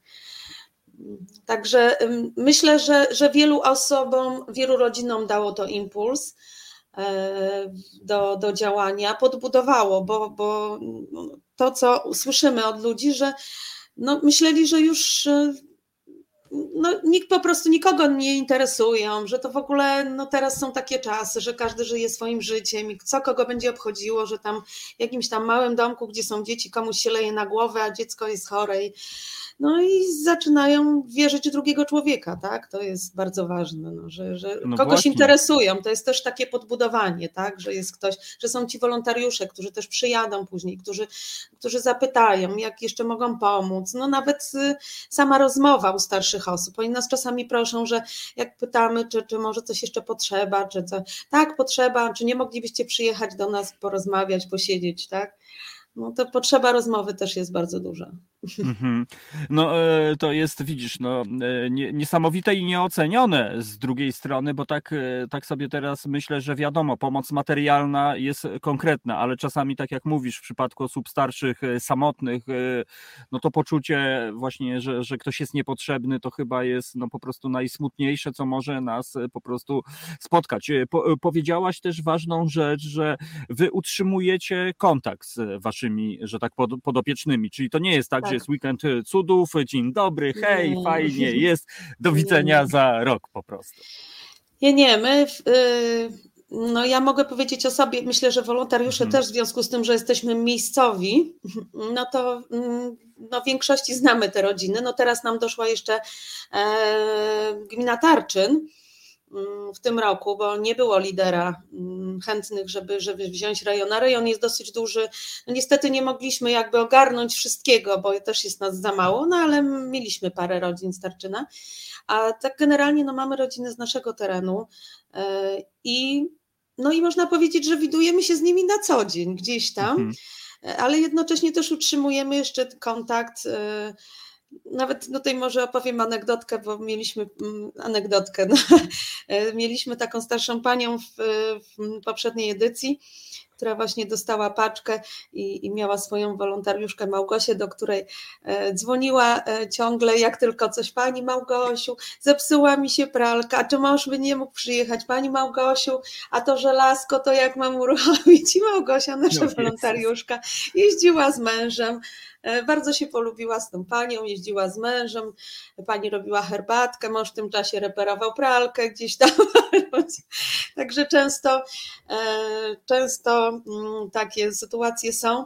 Są bardzo fajne sytuacje, gdzie na przykład e, no ja miałam takie rodziny w drugiej czy trzeciej edycji, że na mm, na Boże Narodzenie przyjeżdżały dzieci pod mój dom z mamami, przywoziły ręcznie zrobione bombki, E, w podziękowaniu za szlachetną paczkę, co bardzo jest, to są najmilsze takie aniołki z masy solnej e, w podziękowaniu, tak, także no, to są najfajniejsze historie. Jeszcze jedna fajna historia to, że w tym roku, w zeszłym roku, przepraszam, e, paczkę dla potrzebującej rodziny przywiozła dziewczyna, która sama była rok wcześniej w paczce no to też y, dla nas bardzo budujące, że, że mogliśmy pomóc. Dziewczyna po prostu teraz sama chce pomagać, tak? No to jest chyba sens, nie? Tego wszystkiego po no, prostu, no kiedy, kiedy mówisz o czymś takim, że to widać, że to po prostu naprawdę działa e, i przeczy stereotypom właśnie e, takim, że, że się ludzie przyzwyczajają do tego, tak więc to jest naprawdę niesamowite. E, Sylwia, powiedz, czy udało się, że tak powiem, dotrzeć do wszystkich, jednym słowem, czy w 100% plan został zrealizowany w tym roku, jeśli chodzi o lokalną działalność waszą? Tak, ten plan został zrealizowany w 100%, z tym, że ja w dalszym ciągu czuję niedosyt, w sensie, mhm. że ja wiem, że jest dużo więcej takich rodzin. Z tym, że my nie jesteśmy w stanie nas E, jest nas za mało, po pierwsze. Po drugie, też nie jesteśmy w stanie jakby docierać do wszystkich. I stąd był mój apel. Jest corocznie i na Facebooku, na naszej stronie, e, na naszym forum mieszkańców gminy. I na, wcześniej mieliśmy jeszcze y, mieliśmy sesję Rady Gminy, gdzie spotykaliśmy się z sołtysami, z radnymi, teraz niestety na razie ich nie mamy, ale na każdej z takich sesji, y, kiedy zbliżał się koniec roku, ja prosiłam i radnych, i sołtysów o taki kontakt, żeby, no żeby każdy spojrzał no dalej tak, no niż swój ogródek, prawda? I, i popatrzył, znamy, znamy sąsiedztwo, tak. No bo my nie jesteśmy w stanie, mówię, no dotrzeć gdzieś tam, w, no jest 9 tysięcy mieszkańców, tak? No gmina jest dosyć, dosyć rozległa, e, nas nie jest za dużo, mm, a poza tym no też nie e, nie możemy pukać do drzwi i pytać, czy, czy możemy w jakiś sposób Czyli pomóc. Jest bieda. Tak, więc no bardzo, bardzo potrzebni nam są tacy współpracownicy właśnie tu mm, lokalni, mówię o radnych, o sołtysach, o, o sąsiadach, o, no nie wiem, o placówkach pomocowych. Zresztą współpracujemy ze szkołą i z e, GOPS-em, e, ze szkołami wszystkimi współpracujemy w naszej gminie. No ale jeszcze jednak ta pomoc taka mm, właśnie od sąsiadów, od sołtysów, od radnych bardzo by się przydała. Z tym, że no ja mam takie czasami takie refleksje właśnie sobie tak myślę, zresztą słysząc gdzieś tam z tyłu głowy różne komentarze, że a temu to nie, po co jemu dawać, a tam rodzice to sprzeniewierzyli majątek, a teraz się proszą i coś tam, albo nie, tym to nie, bo oni to tam mają i udają, że nie mają. I takie też głosy słyszę, więc myślę, że to część tych osób, które nie chcą zgłaszać, no jakby tu nie chcę, nie chcę tego brzydko nazywać, mhm. ale. No ale to jest e, jednak e, niesamowite takie, takie łatwe, takie ocenianie z łatwością, że tym się nie należy, że ten, no gdzieś tam zapominamy, Dokładnie. że ja mam taki przykład, e, Sylwia kiedyś też zresztą w audycji rozmawiałem z sołtysem jakiejś malutkiej podkarpackiej wsi, gdzie po prostu wyremontowali dom człowiekowi właśnie, no który miał problem z alkoholem, był starszym mhm. człowiekiem, no i że tak powiem się menelił, no po prostu. No ale, ale, ale jednak nikt na to nie patrzył, tylko ludzie zobaczyli zobaczyli, że ten człowiek mieszka w niegodnych warunkach i, i być może z jakiegoś powodu to się wszystko działo i, i się skrzyknęli i zrobili tą po prostu fantastyczną pracę. Sylwia, wspomniałaś, że was jest mało. Czy to jakby znaczy, że nie ma chętnych, żeby się angażować w taką pracę społeczną, mhm. brutalnie mówiąc? No, dokładnie. W tym roku to był w ogóle pierwszy rok, odkąd była Emilka, właśnie. No, Emilka jakoś tam z, ten rejon stworzyła. No, my weszliśmy mhm. tam, ja z moimi znajomymi, no, we czwórkę i tam jeszcze jakieś dodatkowe dwie osoby, które zaraz odeszły, tak? To był, to był jeden rok i odeszły. I to tak naprawdę teraz, e, w tym roku, to dopiero pierwszy rok, kiedy do, do, doszły dwie nowe wolontariuszki. My wcześniej Czyli jest was pięcioro, jednym słowem, tak? Po prostu. E, dwie, trzy, pięć, no ja jestem szósta, tak.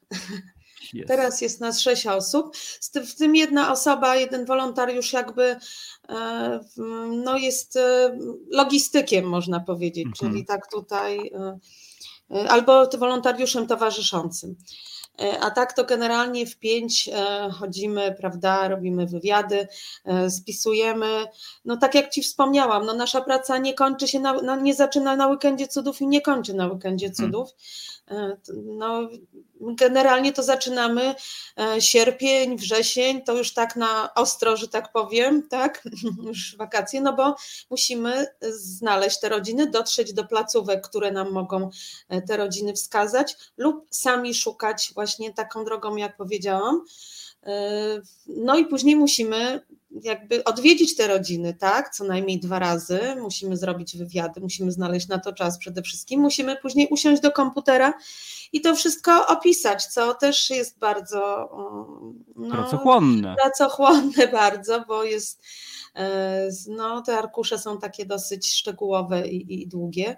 Mhm. E, znaczy, jest to, no, no, no wiadomo, że jest to potrzebne, cała ta mm, biurokracja, no bo żeby to było jasne, przejrzyste, czytelne i żeby nikt nie miał żadnych wątpliwości, no to, no to musimy się, jak że tak powiem, wyspowiadać z tego wszystkiego.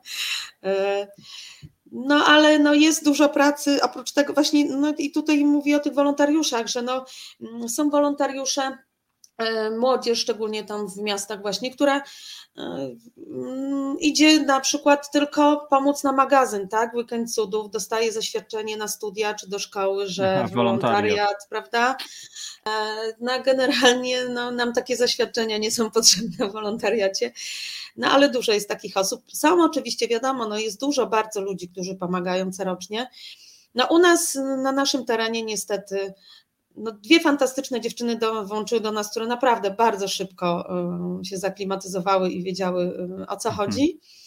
Y, bardzo empatyczne dziewczyny, naprawdę, a takich ludzi nam potrzeba, bo, bo no, tutaj trzeba mieć duże serducho i mhm. dużo empatii. Sylwia, na sam koniec pozwól, że spytam, a dlaczego ty to robisz, dziewczyno? Dlaczego ja to robię? Hmm. Ja lubię ludzi lubię towarzystwo, lubię, nie, nie, nie lubię, mm, lubię się otaczać w ogóle ludźmi, od zawsze lubiłam. E, I dlaczego to robię? Sama nie wiem, taką mam potrzebę. Nie spłacam w sumie mhm. żadnego długu ani nic, także nie wiem, odczuwam po prostu taką potrzebę. I, i, I, nic więcej. To niech to będzie po prostu kropka e, w naszej rozmowie. Sylwia Kleszko, proszę Państwa, no, osoba, e, która, no jak sami słyszycie, robi naprawdę kawał pracy potrzebnej. E, mam nadzieję, że lokalne władze podziękowały Ci po prostu i dostałaś po prostu chociaż jakieś słowa tutaj uznania, że no, wyręczyła nas Pani troszeczkę i Pani ludzie po prostu. E, tak, dostałam. Pan wójt e, na swoim profilu facebookowym podziękował wolontariuszom za projekt Szlachetnej Faczki. No to pozdrawiamy pana wójta, ale przede wszystkim e, Sylwia, bardzo, bardzo ci dziękuję, e, bardzo dziękuję no, ludziom, z którymi działacie, no, bo to jest po prostu naprawdę konkretna, wymierna e, praca, której przecież nie musicie tak naprawdę robić, bo macie Tak, swoje... jeśli, jeśli mogę, to tak szybciutko jeszcze chciałam tylko powiedzieć, że zgłosiłam swoich wolontariuszy, którym jestem wdzięczna stokrotnie za to, że są cały czas ze mną do Nagrody Żurawie Powiatu Grodziskiego.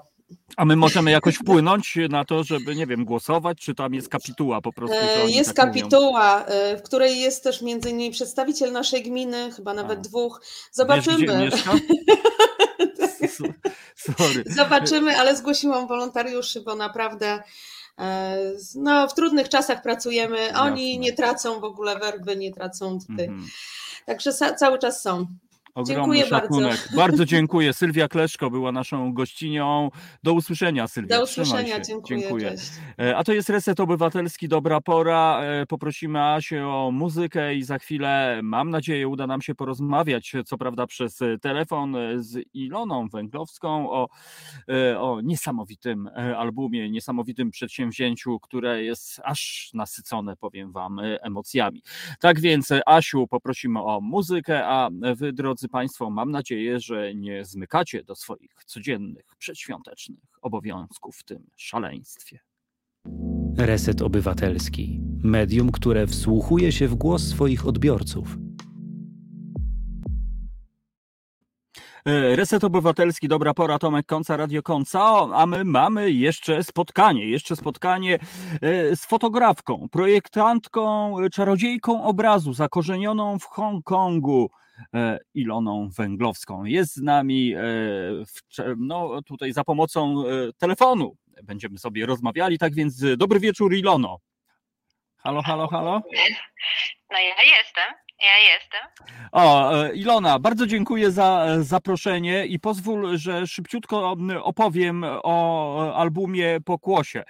Album Pokłosie to subtelna obrazowa narracja uniwersalnego motywu uchodźstwa stworzona z niepozowanych obrazów zebranych i uwiecznionych przez ciebie.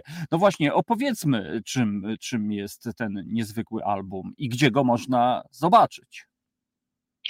No jeszcze na razie można zobaczyć tylko jego zwiastun i to już mhm. będziesz odpowiedzialny za to, żeby umieścić link do Vimeo, gdzie ten zwiastun jest. Tak, tak, jest w komentarzu do dzisiejszego opisu y, audycji. Dokładnie, także jest jeszcze jest, jest już stworzony, tak, ale jest jeszcze nie opublikowany, także um, na razie jest tylko jego zapowiedź, jego zwiastun obecny. Um, no, y, po głosie um, Pokłosie było niespodzianką, myślę, że dla wszystkich. Um, całkiem znienacka przypadł mi zaszczyt towarzyszenia matce i dzieciom z dworca Brześć, um, aktorom um, w teledysku Hani Rani Malasana e, na planie filmowym. Byłam, towarzyszyłam za kulisami um, tej, tej rodzinie. Um, i um, byłam, um, byłam zupełnie nie, że mówię, znienacka, bo naprawdę to był telefon. Późno wieczorem, wcześniej bardzo rano trzeba było e, wyruszać w Suwałki. Um, I ja nie miałam żadnego sprzętu ze sobą, więc byłam wyposażona tylko we własny iPhone. I w ostatniej chwili pożyczony, bardzo przestarzały, już taki, taki ledwo trzymający się Sony Alpha aparat bez nawet zapasowej baterii, bo nie było czasu, żeby zdobyć ładowarkę. E, więc e, ziarnko po ziarnku rzeczywiście źdźbło między, między tymi ujęciami zbierałam i, i uwieczniałam te, te zakulisowe sceny i obrazy i rzeczywiście niepozowane portrety E, i jest to bardzo oczywiste, gdy się ogląda album. E, myślę, że już zwiastun jest, e, jest bardzo dobrym przykładem, czym może być to, co ja nazywam swoim takim bardzo osobistym kunsztem kinematografii w bezruchu, kiedy, kiedy obraz jest, jest nie, niestatyczny, że mhm. jest bez ruchu, ale nie jest statyczny, jest żywy.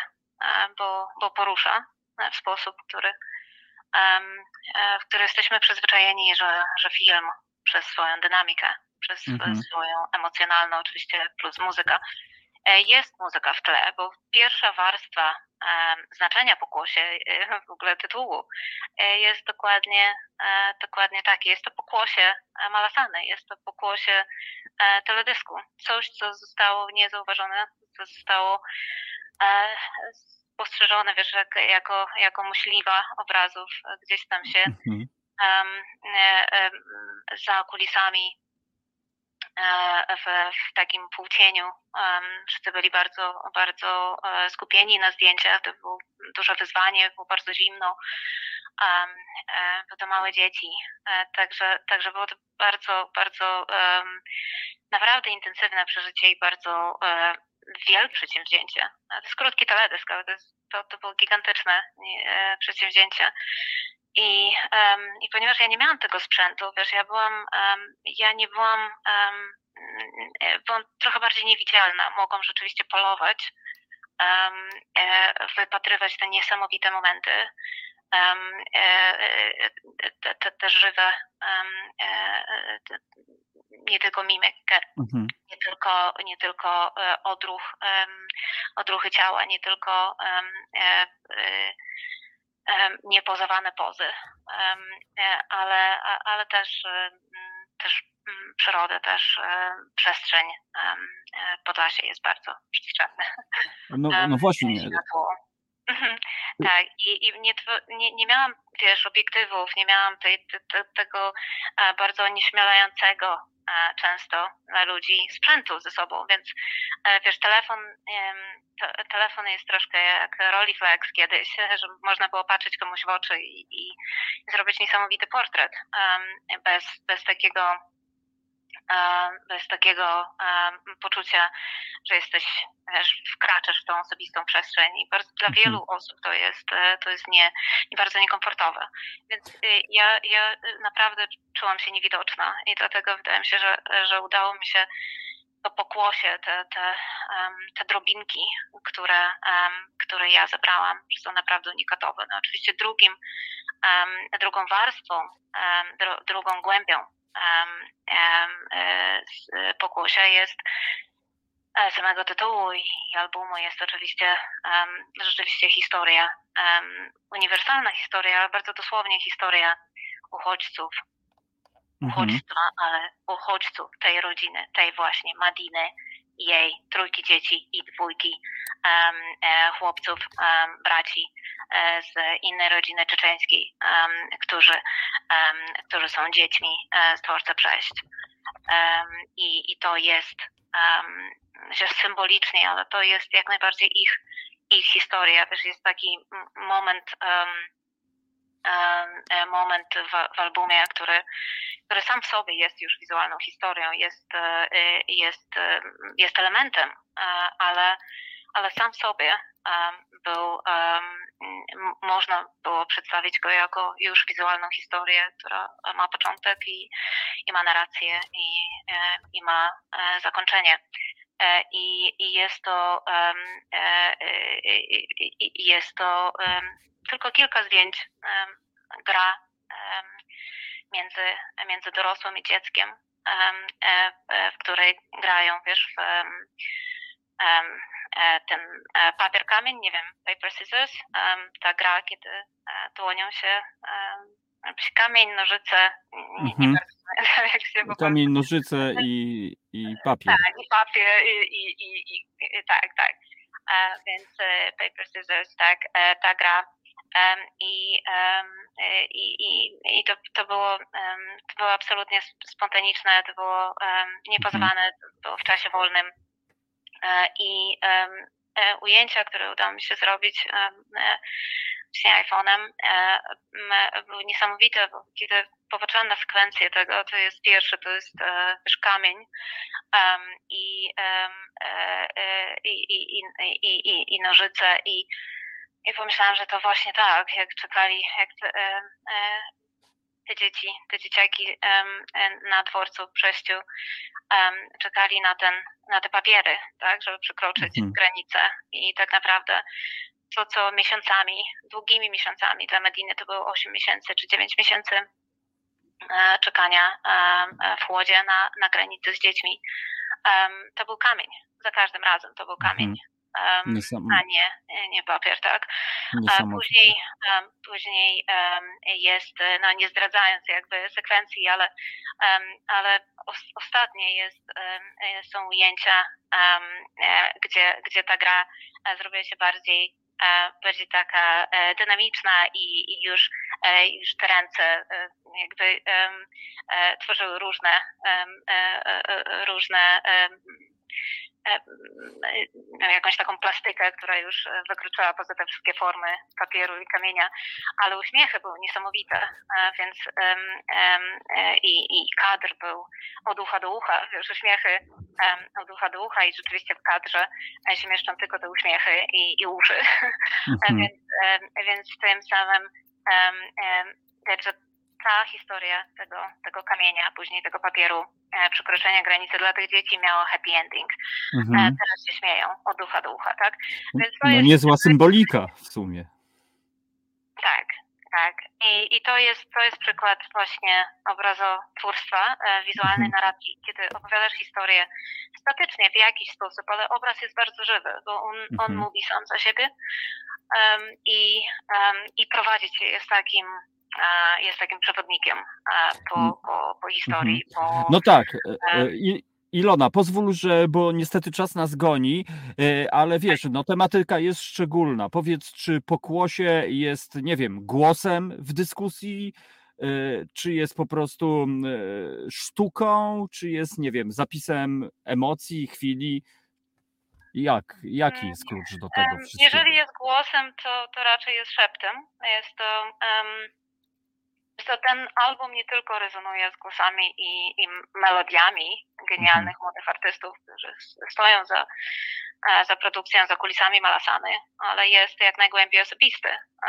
Ja, e, ja wróciłam do kraju e, swojego dzieciństwa po, po 18 praktycznie latach nieobecności, zostając jego oblicze zmienione nie do poznania i, i w stanie wojny niewidzialnej, może bez bębnów i bez strzelb, ale, ale wojny. Bardzo smutny, podzielony. I, I po tym czasie, ponad, e, ponad tylu latach, bardzo spełnionego, bardzo rzeczywiście zakotwiczonego e, życia w Azji, w Hongkongu, przed przelotem tutaj, ale przedtem Japonia, Szanghaj, ten raptowny, niezamierzony, nieplanowany powrót do, do Polski przypomina bardziej wygnanie niż powrót. I, hmm. E, i to ja też, wiesz, dla mnie to, to jest też historia mojego uchodźstwa. Ja czekam na celowniku, może nie strzelby, ale igły, e, przy tej, przy tej właśnie nieprzekraczalnej granicy na, na swój papier, na swój powrót do Hongkongu, do domu, do przystani swojej od, od 9 lat moim domem, mhm.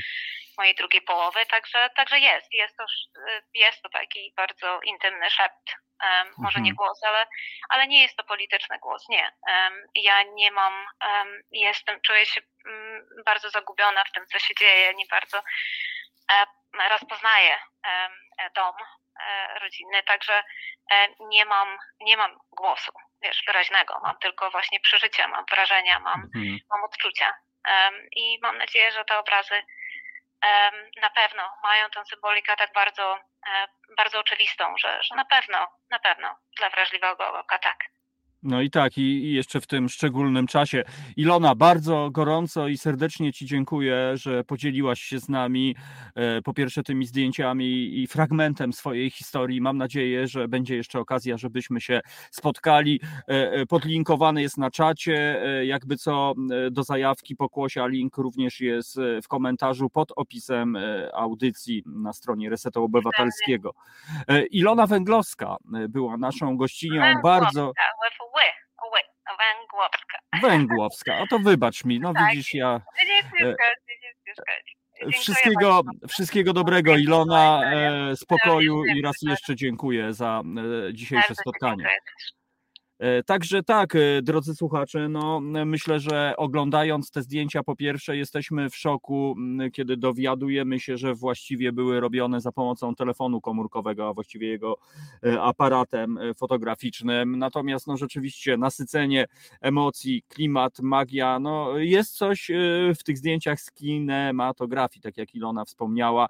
Być może to to, że, że to jest tylko jakiś taki, nie wiem, może fotos, o, dobre słowo, nie wiem, e, ale, ale od, odsyłam, namawiam, żeby chwilę e, poświęcić czasu, przenieść się i pomyśleć po prostu o tym, co się na tym świecie tak naprawdę dzieje. Tak więc, e, drodzy Państwo, bardzo serdecznie dziękuję za te dwie godziny dzisiejszego programu. Dziękuję naszym znakomitym gościniom. Dziękuję Asi za realizację. Bardzo dziękuję Elżbiecie Krawczyk, Karimie Kanio, no i Ilonie Węgłowskiej oczywiście za to, że byliśmy z nami. Tak więc e, ja tak e, tradycyjnie na sam koniec e, prywatnie zaproszę Państwa o 21 na kanał Radio Koncao, na Piwnicznik Artystyczny jutro również w obiadku radiowym będziemy wracali do dzisiejszej dobrej pory, do dzisiejszej rozmowy. A tymczasem o 19 e, dochodzenie prawdy i Radosław nam się objawi i Radosław będzie dzisiaj e, dociekał po prostu. E, tak więc zostańcie z nami, zostańcie z resetem. Bardzo dziękuję Państwu za uwagę, za wszystkie komentarze, za wszystkie przychylne słowa oraz te prześmiewcze pod moim adresem. No jeżeli komuś poprawiam nastrój i się ze mnie wyśmiewa, to niech się dobrze bawi.